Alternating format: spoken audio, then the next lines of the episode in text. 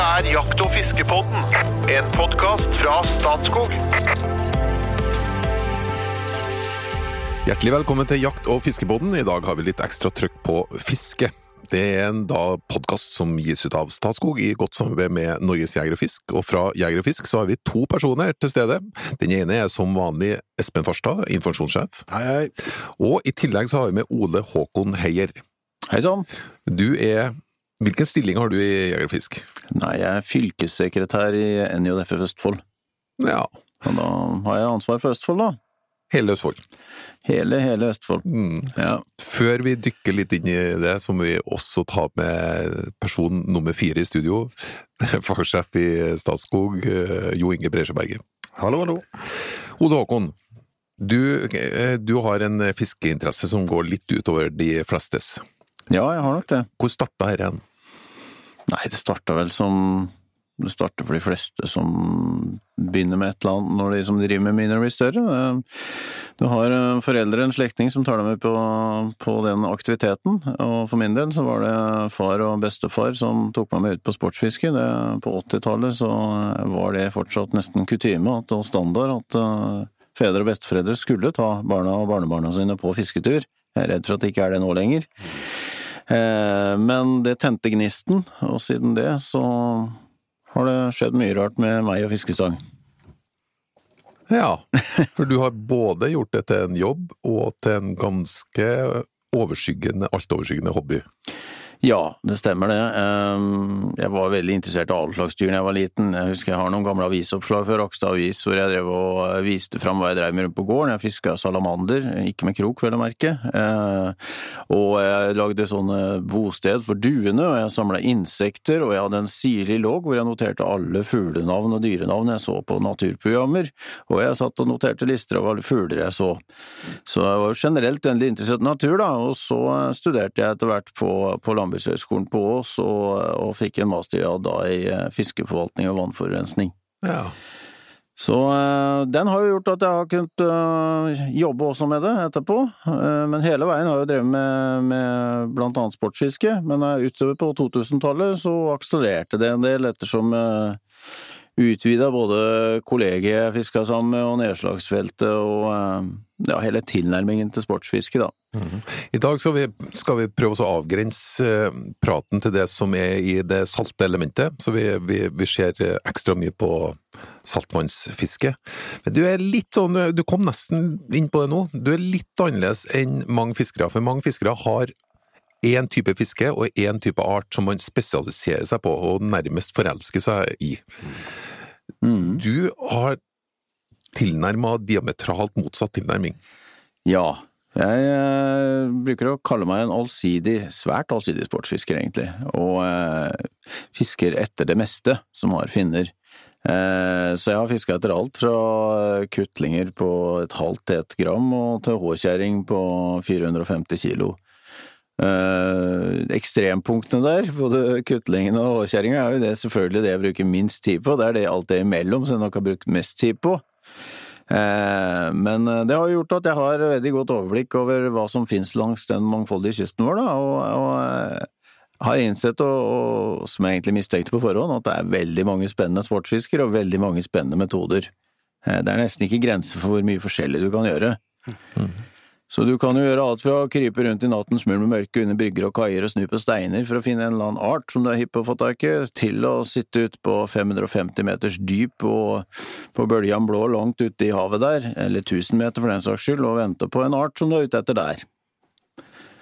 Hva tenker du når du hører dette, Espen? Altså, jeg kjenner jo Ole Håkon, så jeg veit jo hvor gæren han er. Og gæren i, i, i positiv betydning av ordet, selvfølgelig. ikke sant? Altså, sports, Det er jo et uttrykk, sportsfiskegal, ikke sant? Så sportsfiskegæren. Ole Håkon er jo liksom Han er jo ekstremisten i dette, dette her sånn. Og du, jeg kjenner jo Ole Håkon også, du var jo tidlig ute eh, på dette her sånn. Nå er jo dette med artsfiske og sånn spredd seg veldig, og det er, det, det er populært. Og det er jo positivt, det er veldig bra det. Men Ole Håkon var, har, har brøyta litt vei her sånn. Og, men nå er vi jo inne på saltvannsbiten. Jeg må innrømme at jeg først og fremst kjenner deg som, som ferskvannsfisker. Altså, du er jo vokst opp i indre Østfold. Helt riktig. Ja, jeg og- kan ta en liten setning om det. Det er at eh, jeg begynte jo, jeg som du sier, veldig innbitt ferskvannsfisker i Indre Østfold. Da vokser opp med abbor, gjedde og brasme, og spørsmålet du får når du møter folk, det er Hva er den største gjedda du har fått? Ja.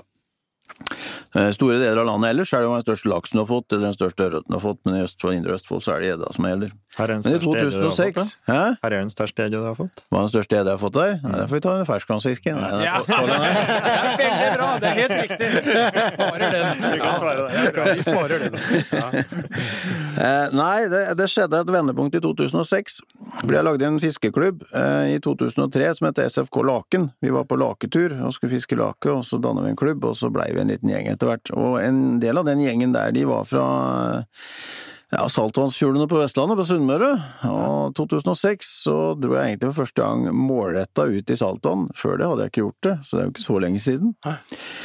Og det åpna jo en helt ny verden, eh, som har gjort at jeg har hatt fantastisk mye kule opplevelser siden den gang.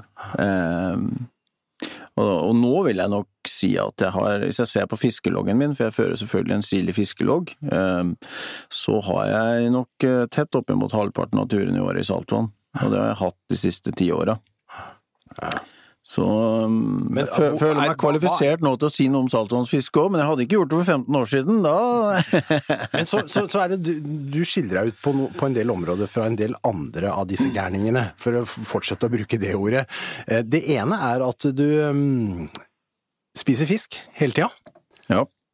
Så du er, ikke en, du, er, du er ikke ene og alene ute etter sportsfiskeopplevelsen og bedriver et 100 cash and release-fiske, Det, kan- det kan vi snakke litt om etterpå, men det, det ene med det andre er at du Du drar ytterpunktene her. Du nevnte jo liksom fra kutling til, men altså Du har for eksempel eh, litt sånn banebrytende fiske på Svalbard. Ja, vi var nok eh, Jeg skal ikke si at vi var først til å fiske etter andre arter, for jeg vet det er et par andre grupper som, som var der oppe med noen sånne småforsøk, men det var i 2015, 16 og 17, var det? Tenk etter, det er så mange turer, så. Som vi var eh, og, leide oss en båt der oppe og dro en gjeng med, med fiskere sammen med eneste mål å prøve å finne ut hva er fiske i Isfjorden, hva kan du by på der? Vi hadde blekka ut en svær blekke av alle artene som er tatt under tråling der oppe, og hadde med fullt artilleri med stenger og kroker og alt som var, fra bitte små kroker til svære kroker i håkjerring-size, og, og, og prøvde bredt ut for å se hva man kunne få. Og i den skalaen er det ikke ingen andre som har gjort dette før. De så vel på dere som noen raringer, tenker jeg, når dere kom opp til Longyearbyen og skulle leie båt og Det var jo, det var jo bare å grave litt med, med, med å finne ut ting først. Da. Dette her var jo egentlig et innfall, sånn som ofte alle sånne gode ideer begynner. eh, Hvor jeg sitter eh, Når var dette? Det var vel i november 2014. Som jeg sitter og titter på ferie til neste år med kone og barn. Så sier jeg det har vært veldig kult å være på Svalbard, til kona mi som sitter inne og ser på TV i stua mens jeg sitter på PC-en. Nei, der har jeg vært to ganger før, sier hun. Det er ikke noe, det er ikke noe spennende for meg. Det er, jeg vil dra et sted hvor, det, hvor jeg ikke har vært før. Ja vel, da. Eh, klarte ikke jeg helt å slippe, for jeg tenkte, jeg sa jo til Åse selvfølgelig, jeg kunne jo tatt en dag på fiskebåt der oppe og prøvd litt nå, liksom, for jeg hadde jo det i bakhuet. Ja, hun lukta lunta, hun da. Ja, hun lukta det. Nei, ja. Nei, så gikk jeg inn igjen, så tenkte jeg hmm, Da hadde jeg jo sittet og researcha litt. Eh, Hvorfor ikke bare lage en klubbtur av det? Og så prøver jeg å få til et eller annet. Og så la jeg ut forslaget på forumet vårt, og så tok det tre timer, og så var sju stykken med. Mm. Og da hadde vi folket. Og da var det bare å begynne å kontakte forskjellige ting der oppe, finne ut hvor får vi båt, hvor får vi overnatting. Overnatting er jo en smal sak, for det her er jo begynner å bli rigga for turisme oppi de traktene der. Mm. Båten var litt vanskeligere, men eh, jeg fant en båt via eh, Longyearbyen Jeger og Fisk. Det var jo bare å gå til den lokale jegerfiskeforeningen og spørre om tips, for de svarer jo. Og eh, så Men var det de tur. ikke. Longyearbyen Jeger og Fisk hadde ikke noe fiskeerfaring på dette.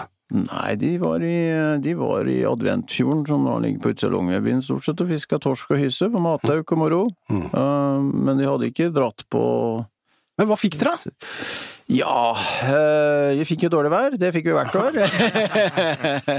det er Svalbard et nøtteskall. Sånn er det når du drar langt nord. Da må du regne med at det ikke er bare walk in the park.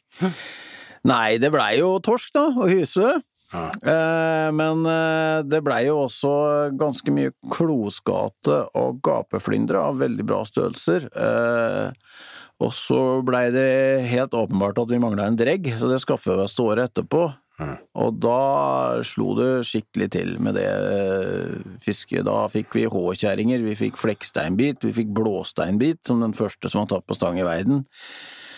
Fleksteinbit er jo en sånn art som nesten ingen hadde fått før vi dro dit opp, og blåkveiter, som også har vært en art du må fra 500 til 1000 meter på utsida av Eigakanten langs norgeskysten, ergo dra til Andøya og håpe at det ikke er så mye strøm at du kommer ned med et halvannen kilo søkkeavfall til det dypet.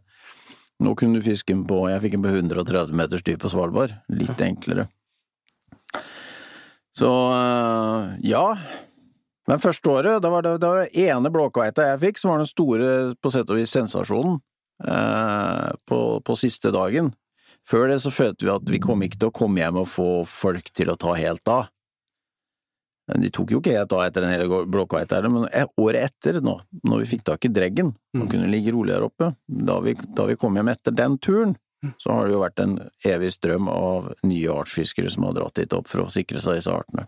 Artsfiskere. Altså, Det er fisk- artsfiskere, ja. Det er, det er, altså, det er, det er også fiskere de- som søker uh, flest mulig arter. Søker flest mulig arter, og da er Svalbard et eh, opplagt stopp på, eh, på den runden du må ta for å få disse artene. Og en annen type fiske, det er spesimenfiskere, ikke sant? Som er ute etter store fisker? Ja, det er et annet begrep som beskriver en fisker, iallfall. Eh, Da er du ute etter store eksemplarer av en, av en art. Hvor er du?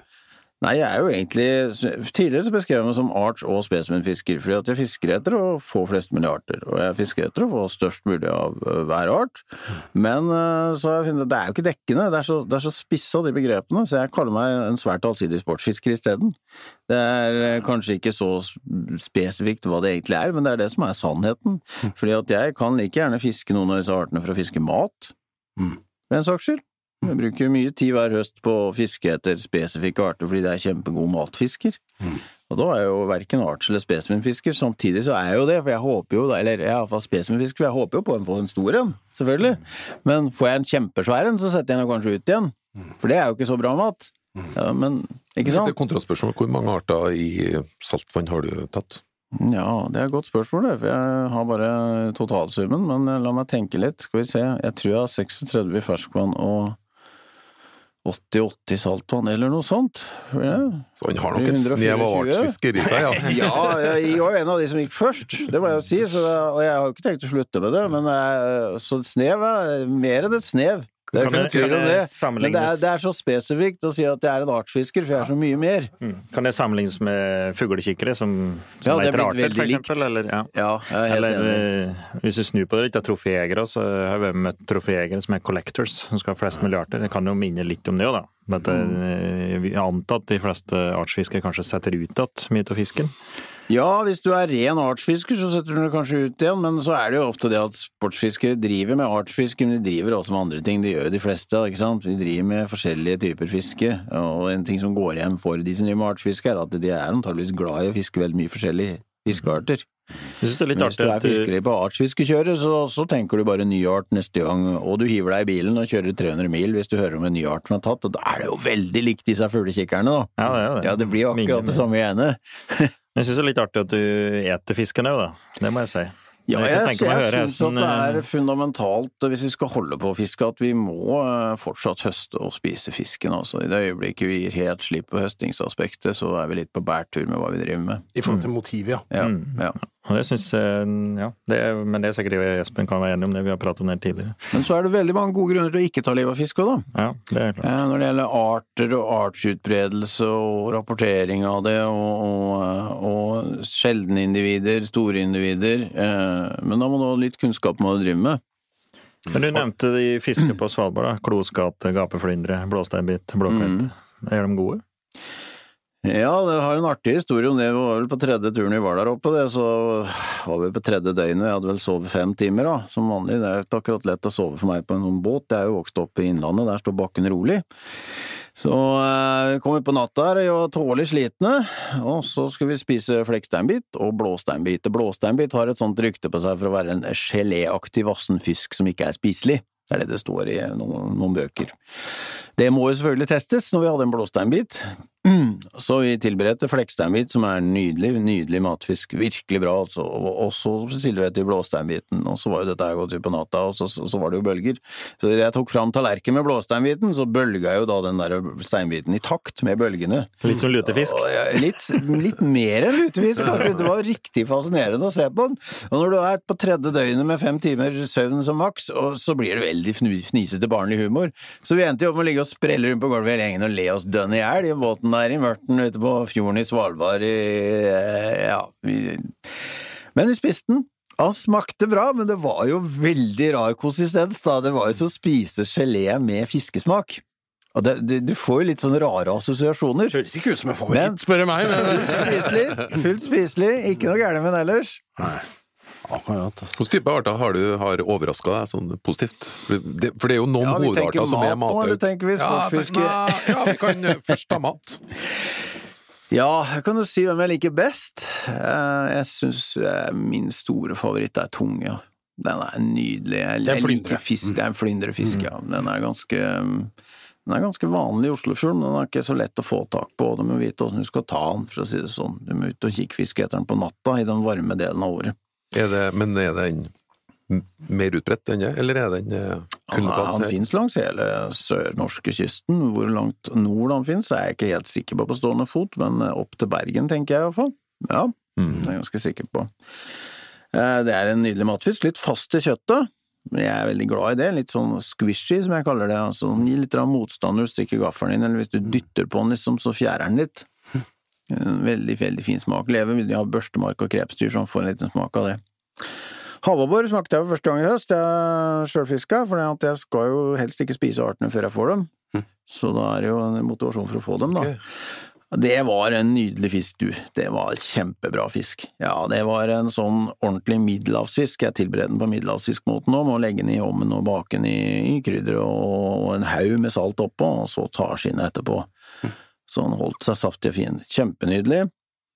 Eh, piggvar og slettvar er nydelig fisk også å bruke.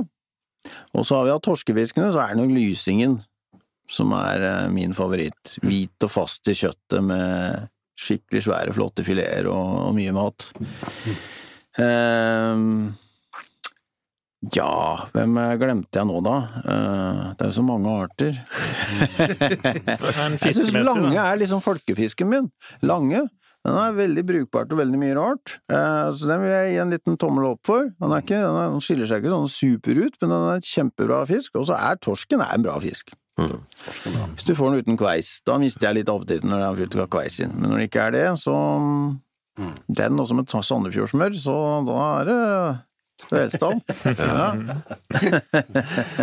Men, men, men Ole Håkon, bare litt når dere reiser til Svalbard, sånn dere litt sånn ekspedisjonsaktig dette her, ikke sant? Er Litt det. opp og brøyte ny mark. Og, og da jeg eh, var guttunge, var jeg jo akkurat som deg veldig opptatt av natur, og leste mye om natur. så så leste jeg at der oppe finnes det bare noen polartorsk eh, som var bitte små, og det var nesten ikke noe fisk. ikke sant? Så har vi litt sånn klimaendringer. Nå fisker de faktisk makrell på kaia i, i Longyearbyen, så det, Ja. det har jo skjedd noe. Men hvordan rigger du deg da, når du reiser opp dit? Altså, Jo Inge og jeg ville jo tatt med fiskestanga vår, ikke sant? Vi har, ja, jeg går ut fra at det, det, det altså, Du aner jo ikke helt hva du skal møte. Du vet Nei, ikke hva du skal fiske. Nei, det er jo veldig kult. Det er jo noe av det kuleste jeg har opplevd som sportsfisker, akkurat det. Jeg blir jo så utrolig engasjert av en sånn situasjon.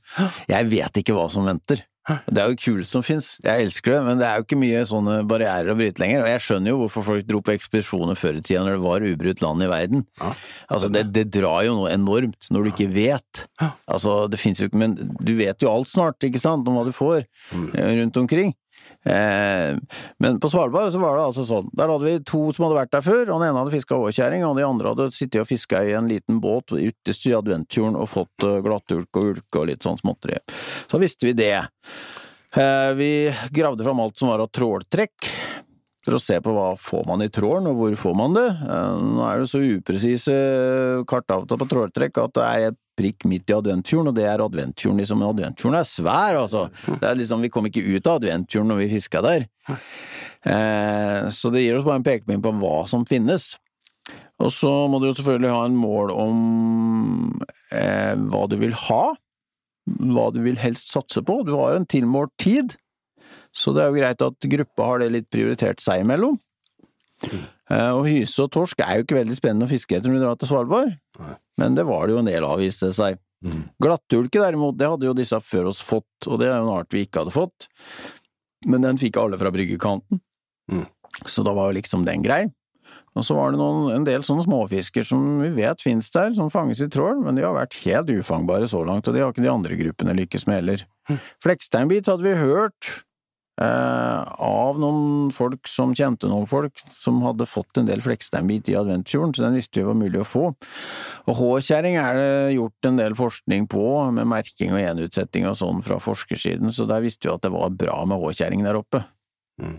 Så eh, Men H-kjerring, her kan du jo ikke ta inn matelementet som motiv for fiske. nei, Og det har jo vært diskutert litt. Vi hadde jo en episode med en håkjerring eh, som ble tatt i sydligere farvann, og som dessverre ble funnet død et par dager etter og har vært fiska på. mm.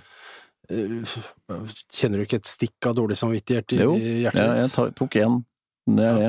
Ja, da har du gjort det, og da ja, er du jeg ferdig tar med det. aldri en H-kjerring igjen. Nei. Nei. Men da prater vi dypt, eller?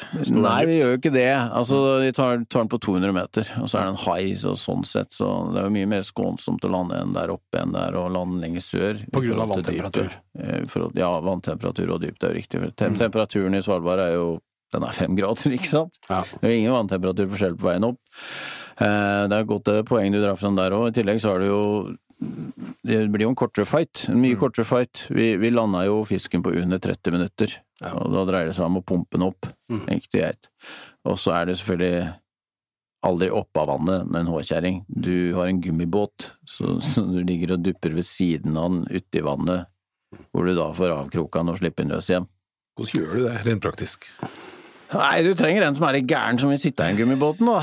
Det var ikke meg, så vi hadde en som hadde prøvd dette her før, og han, han tok den gummibåtjobben på, på strak arm. Eh, eh, han var litt mer gæren enn jeg kunne tenke oss òg. Jeg foreslo egentlig at vi skulle knyte et tau rundt den, så vi ikke mista den oppi der, for vi ligger jo på dregg, og det strømmer, og vi sitter jo Det er fem grader i vannet, og Eh, Nei.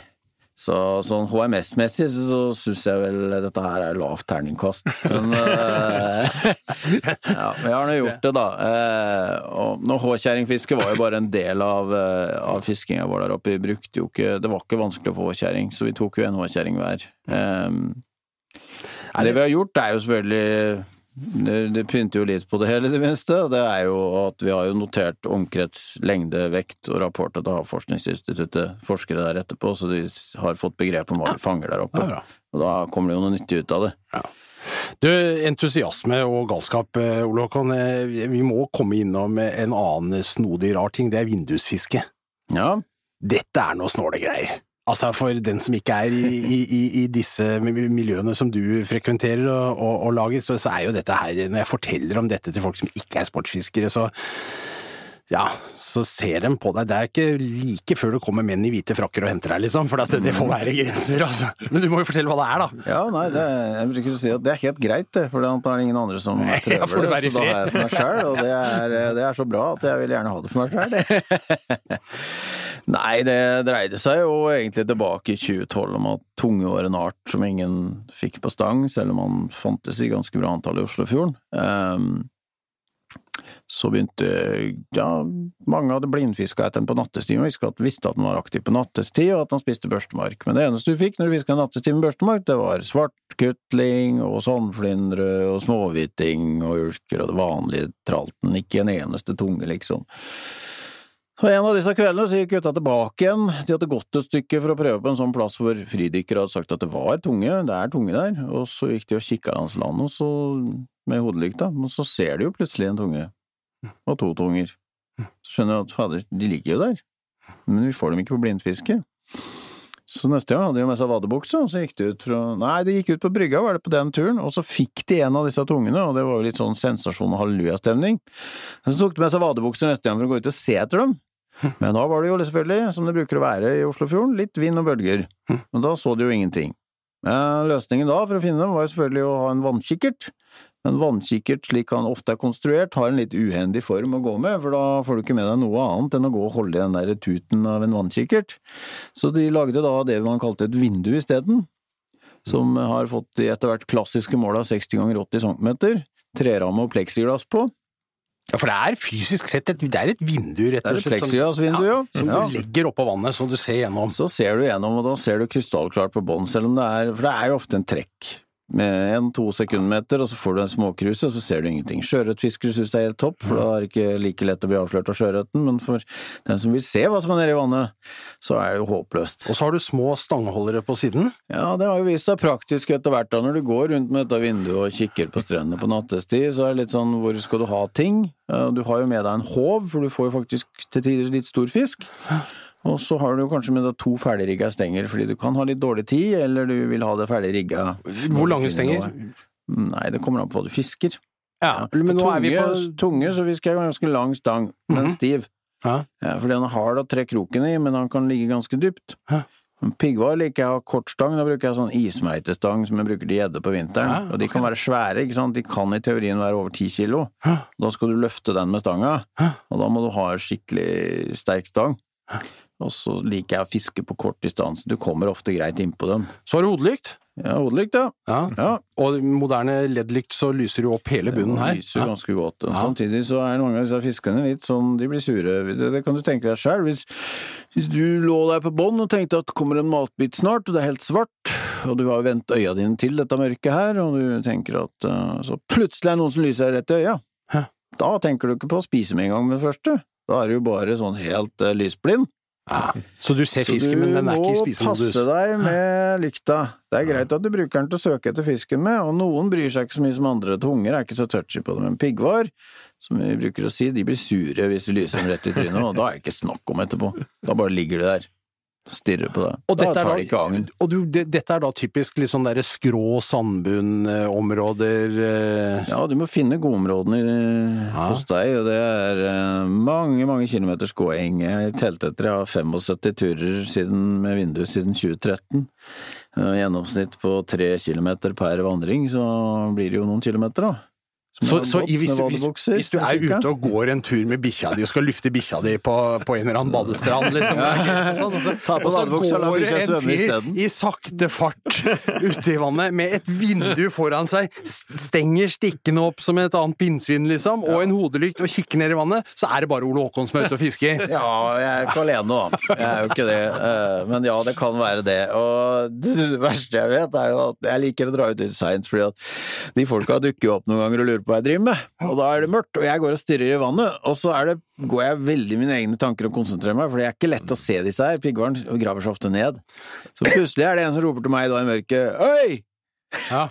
Jeg holder på å få hjerteinfarkt. Jeg, jeg holder jo på å dø. Det er, hvem er det som blir skremt av dette? Det er jo meg, det. Jeg har blitt skremt så mange Du ganger. er, litt, du, du er rett og slett litt var. Ja, jeg er litt var. Ja. Men piggvar og, og slettvar, det er jo Altså For det første er det jo fantastisk fisk. Og det er jo ikke helt vanlig og enkelt og lett å få på sportsfiskeutstyr sånn til vanlig. Det er ikke noe du Altså, du får jo torsk og sei, men du får jo ikke piggvar, liksom. På Sør-Vestlandet så kan du fiske den litt mer målretta med aktivt fiske. Jo, jo, men da målretta med aktivt fiske. Men for en gjennomsnittlig norsk sportsfisker så er jo dette et jubel, en jubelfisk uten like. Men du plukker dem regelmessig. Ja, men det er ikke lett. Det er ikke lett. Jeg har ikke mer enn ti hver høst. Nei. Nei.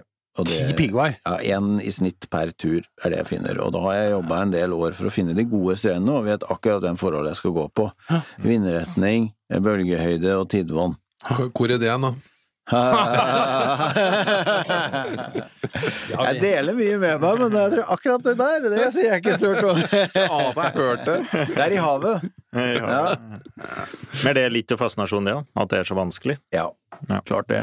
Og det er sånn at jeg kommer hjem da med en, en, en piggvar i to kilo i, i bilen, så er det sånn ja, kjempetur. Supert. Har du tatt med deg mye av, av ferskvannsfiske, meitefiskeerfaringene dine ut i sjøfiske? Ja, det ligger jo i bånn der, men det, er jo- det der er, det er vanskelig å si. Det er, eh, det, er, en forskjell på ferskvannsfisk og saltvannsfisk. Ja, ja saltvannsfisken? Ferskvannsfisken er ofte mye mer forsiktig og picky. Eh, saltvannsfisken er liksom Alle saltvannsfisk hiver seg på et eller annet som ligner på mat i mye større grad. Så er det mange arter der også som er veldig avhengig av spesifikke agn, altså.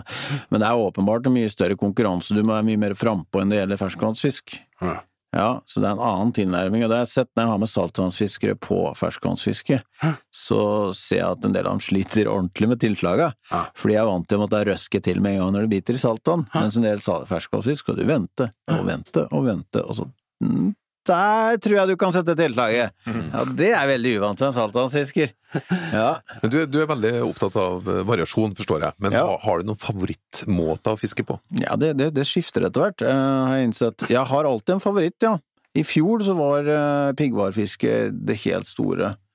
Uh, lakefiske har vært en sikker vinner for meg i mange vintre. Det er fascinasjon over en fisk som få fisker etter nede i mørket, som kan bli riktig stor, men som finnes i ganske store mengder, sånn at det tar lang tid mellom hver gang du får en stor en, og som er den beste ferskvannsfisken til mat, faktisk.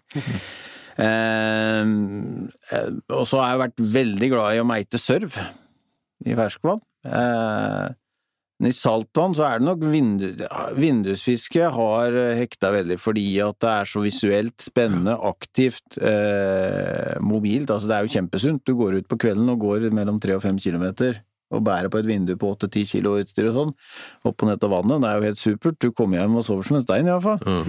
Og så får du jo matfisk ut av det. Det er jo ikke bare piggvar man leter etter. Da finner man en sandflynder eller en rødspette som vil ha et agn, ikke sant. Det er derfor du har stang nummer to, så slipper du ned en røykebit, og så får du med deg det hjem. Sant? Hvis du vil ha, det. Mm. Uh, ellers er jeg veldig, veldig glad i å fiske havål, Men da, er, da, er jeg, da vet jeg at da er jeg bare sportsfisker igjen. Hvordan gjør du det? Du finner deg steinrøys på Vestlandet, og så denger du ut et gigantisk agn, og så har du en superkraftig stang, og så øh, røsker du til, og så kjennes det ut som noe hekta bånd, og så er det, okay. det er veldig, veldig brutale saker. Men den spiser du ikke? Jeg har spist den, ja, eh, for den første jeg fikk var veldig dypt kroka, så den tok vi livet av, og da tok vi og delte på den fisken til alle. Og det er ikke noe gærent med kjøttet, men den har en stor ulempe som er min store akilleshæl i forhold til å spise fisk, og det er bein. Jeg hater bein. Å ja. Ja, jeg syns det er helt forferdelig med Er bein ikke det bare et spørsmål om å forstå fiskens anatomi, så Ja, går du, det- er jo komplett uforståelig, eller det vil si, jeg har forstått den, det er bein overalt. så Nei, så de setter vi ut igjen. Eh, hvis det biter på noe annet, så tar jeg det med meg hjem, men eh, der er jeg ren fang- og slipsfisker, så um, de som ikke liker det eller har noe utstående, så får de bare ta meg på det. Ja, Hva sier Mattilsynet til det da, Ole Håkon? Nei, de liker jo ikke sånt, de gjør jo ikke det. Nei. Jeg kan finne på å bry seg med slikt om dagen her. Men uh, det betyr jo at noen bryr seg om havåren nå, iallfall. Jeg tror ikke det er så mange andre som gjør det, men det jeg har møtt av fordommer og holdninger til havål rundt omkring langs kysten, har jo bare vært slå i hjel den skiten, ha det i hjel, vi får det i rusene, det er bare møkk, ta livet av det. Nå går vi rundt og fisker etter med sportsfisker og setter den ut igjen og sier at havål er så mye mer enn bare noe du skal ha i hjel. Sett den ut igjen. Det må være verdt noe, det òg, må det ikke? Jo. Ja. Spør du havhvalen, så tror jeg han foretrekker oss framfor de rusefiskerne. Ja. Ja. Men du har en annen kjepp, kjepphest òg. Det er at du er opptatt av at folk skal utnytte mulighetene i nærheten av der man bor. Mm. Uansett hvor man bor hen. ja. Hvis vi holder oss litt sånn Og da Ja, så du er, du er på en måte en sportsfisker. Så er du har du innslag av artsfiske, samtidig som du er opptatt av å fiske der du er. Ja. I tillegg så drar du til Svalbard. ikke sant? Sånn at det, her, Ja, ja, her er, det, Det det, går jo en del retninger her. da. Ja, Men det, det med å fiske i nærheten av der du bor Ja, det er jo det du har Det er jo sånn du kan få fiska de fleste. Altså, de fleste av oss har jo våre plikter. Vi har et sted vi bor, vi har, eh, vi har en familie å ta oss av, eh, og vi har en arbeidsplass. Eh, Vi har jo begrensninger på økonomi og tid. Hvis du er interessert i å fiske, så er det jo det, det logiske stedet å begynne på, er jo på utsida av en egen husdør. Eh, Og der er det jo, i Norge altså, det er, vi er jo, det er jo stappfullt med vann overalt. Det er jo det. det er jo, vi, de er jo griseheldige, og det er jo stort sett bare å fiske i alle disse òg. Du kan kjøpe fiskekort, det er det, er det vanskeligste du må gjøre, liksom.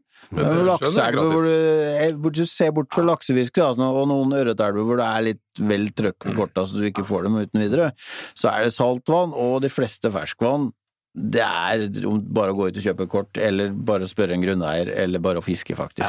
Og de fleste bor jo tross alt langs kysten. Eh, Ja, saltvann er jo alle. Det er jo helt eh, Ja.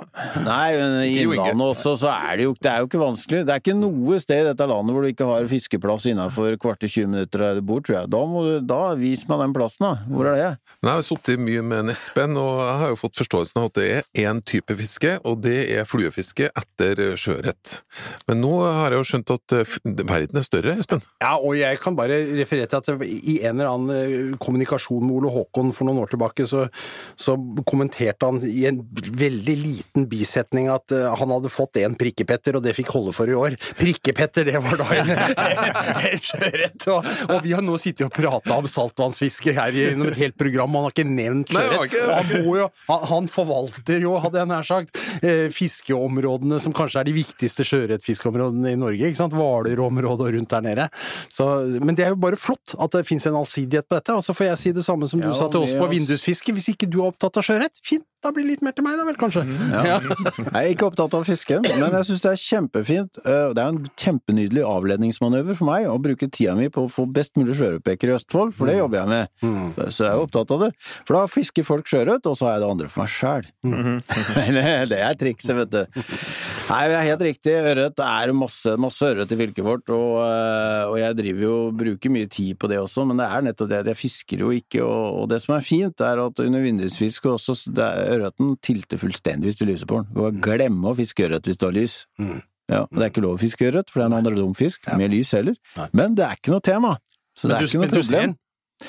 Jeg ser den. Eh, noen ganger svømmer den meg rett på meg, fordi han får så panikk. Andre ganger så hopper de og plasker og svømmer rundt og litt sånt. Men, og noen blir helt stive og bare står der og tenker hva i verden skjedde, ble det dag? Ja. Men de fleste får panikk og durer i vei. Jeg har sett sjøørret eh, på vindusfisk opp i sju kilo, så i Oslofjorden. Mhm, Jeg hint, hint. vil eh, utfordre deg til å gi et, eller to veldig sånn gode fisketips som du tror lytterne våre kan ha god nytte av. Men du skal få litt betenkningstid. Vi har fått inn et fisketips fra en lytter. Og det er ikke vindusfiske, men det er, tilnærma vindusfiske om vinteren. Det er det faktisk. Det, det, det kommer fra Anu Johansen, som, som har, og det er et gammelt uh, fisketips. Ikke så nytt, men men det kan være lurt å ta med seg. Han sier at uh, når du driver isfiske, og da kikkfiske på isen, uh, det er jo, nærmer seg jo litt vindusfiske det. Eh, veldig spennende, særlig røye da, liksom sånn typisk på isen oppe i Nord-Norge. Så, så kjøper du et sånt billig liggeunderlag eh, av den tynne, dårligste, laveste kvaliteten, ja, og så skjærer du ut et hull. hull til hodet, for da kan du ligge med armene liksom over deg og kikke ned i og, og, og dekke til hullet, ikke sant, og fremdeles ligge på liggeunderlaget. Det er egentlig genialt i all sin enkelhet. Takk for tipset, Anu. Det du må gjøre nå, det er at du sender adressen din, navn og adresse, til jakt- og fiskebåten at statskog.no, eller send oss en melding på Facebook, via Facebook-sidene til Jakt- og fiskebåten. Vi trenger adressen din, og vi trenger en størrelse, og vi trenger eh, å vite om du ønsker hvit eller svart. For det du får i retur for fisketipset nå, det er ja, en av verdens kuleste T-skjorter. Eh, det får også du, Ole Håkon. Jo, fordi, at, fordi at du er med i podkasten, men i tillegg så ønsker vi gjerne noe mot slutten et par ordentlig gode tips. Ja, nå er jo lytterne her fra hele landet, da. Eh, Så eh, gode tips. Det er jo at eh, agn leverer alltid mest fisk. Det er jo så mange som eh, kjøper Du, det sportsforretninger skal alltid stappe på dere sluk. Eh, Prøv dere med agn, altså. Da biter det. Spesielt på Vestlandet så er det biter med en gang. Og gylter er god matfisk. Hva kalte det? Gylter, gyltfisk, berggylt, rødnebb, blåstål, alt dette her. Kjempegod matfisk. Bare skjær den bakerste delen av kroppen, så er den beinfri filet. Det er mitt lille tips. Da, jeg har testa dette her på noen vestlendinger, for de syns jo at yltere er stinter, og det er ikke mat. Men uh, blind, blindserverte dem fisk, og de syns jo gylta var best, satt opp mot de andre. Så eh, ja, uh, skaff deg agn, og bare gå ut til nærmeste brygge og spis hylter. Det er eh, mitt tips på sånn eh, kortreist, enkel mat. Veldig bra. Det minner meg egentlig litt om noe, en eh, historie du har hatt, Jo Inge, om blindtesting av kråke og, rype. rype. Dere kråke vant. Ja. det var en stor konkurranse som hadde, jeg tror i bladet Villmarkslivet, og hadde en av Norges beste kokker, og hadde eksperter og forskere i, i studio, og de tilberedte forskjellige retter. Og jeg husker at kråke ble for, foretrukket før rype på, i den blindtesten. Så det er, òg på fiske, vi er nok veldig standardisert på artene, men eh, i dag har vi fått et innblikk som eh, utvider horisonten vår veldig bra. Så, Ja, jeg har ennå ikke smakt en fisk i saltvann i Norge som ikke er spiselig. Nei. Nei. Jeg har Du smakt nærmer på deg rundt litt underveis, 60 hører jeg, men- arter. Jeg nærmer meg Ja, men det, er, det var dere som fikk den til å høres mest uspiselig ut. Jeg sa at det er artig konsistens, men smaken var helt ok. Den skilte seg litt ut. Ja. Du som er lytter, har du et tips eh, som flere kan ha nytte av, et jakttips eller et fisketips, send det gjerne på jakt- og fiskebåten at statskog.no, eller en melding via Facebook-sidene våre.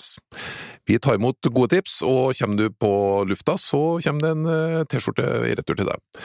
Tusen takk for besøket, Ole Håkon, det var veldig spennende å høre. ja, bare hyggelig. Og til dere lytterne, velkommen tilbake til nye episoder i Jakt- og fiskebåten.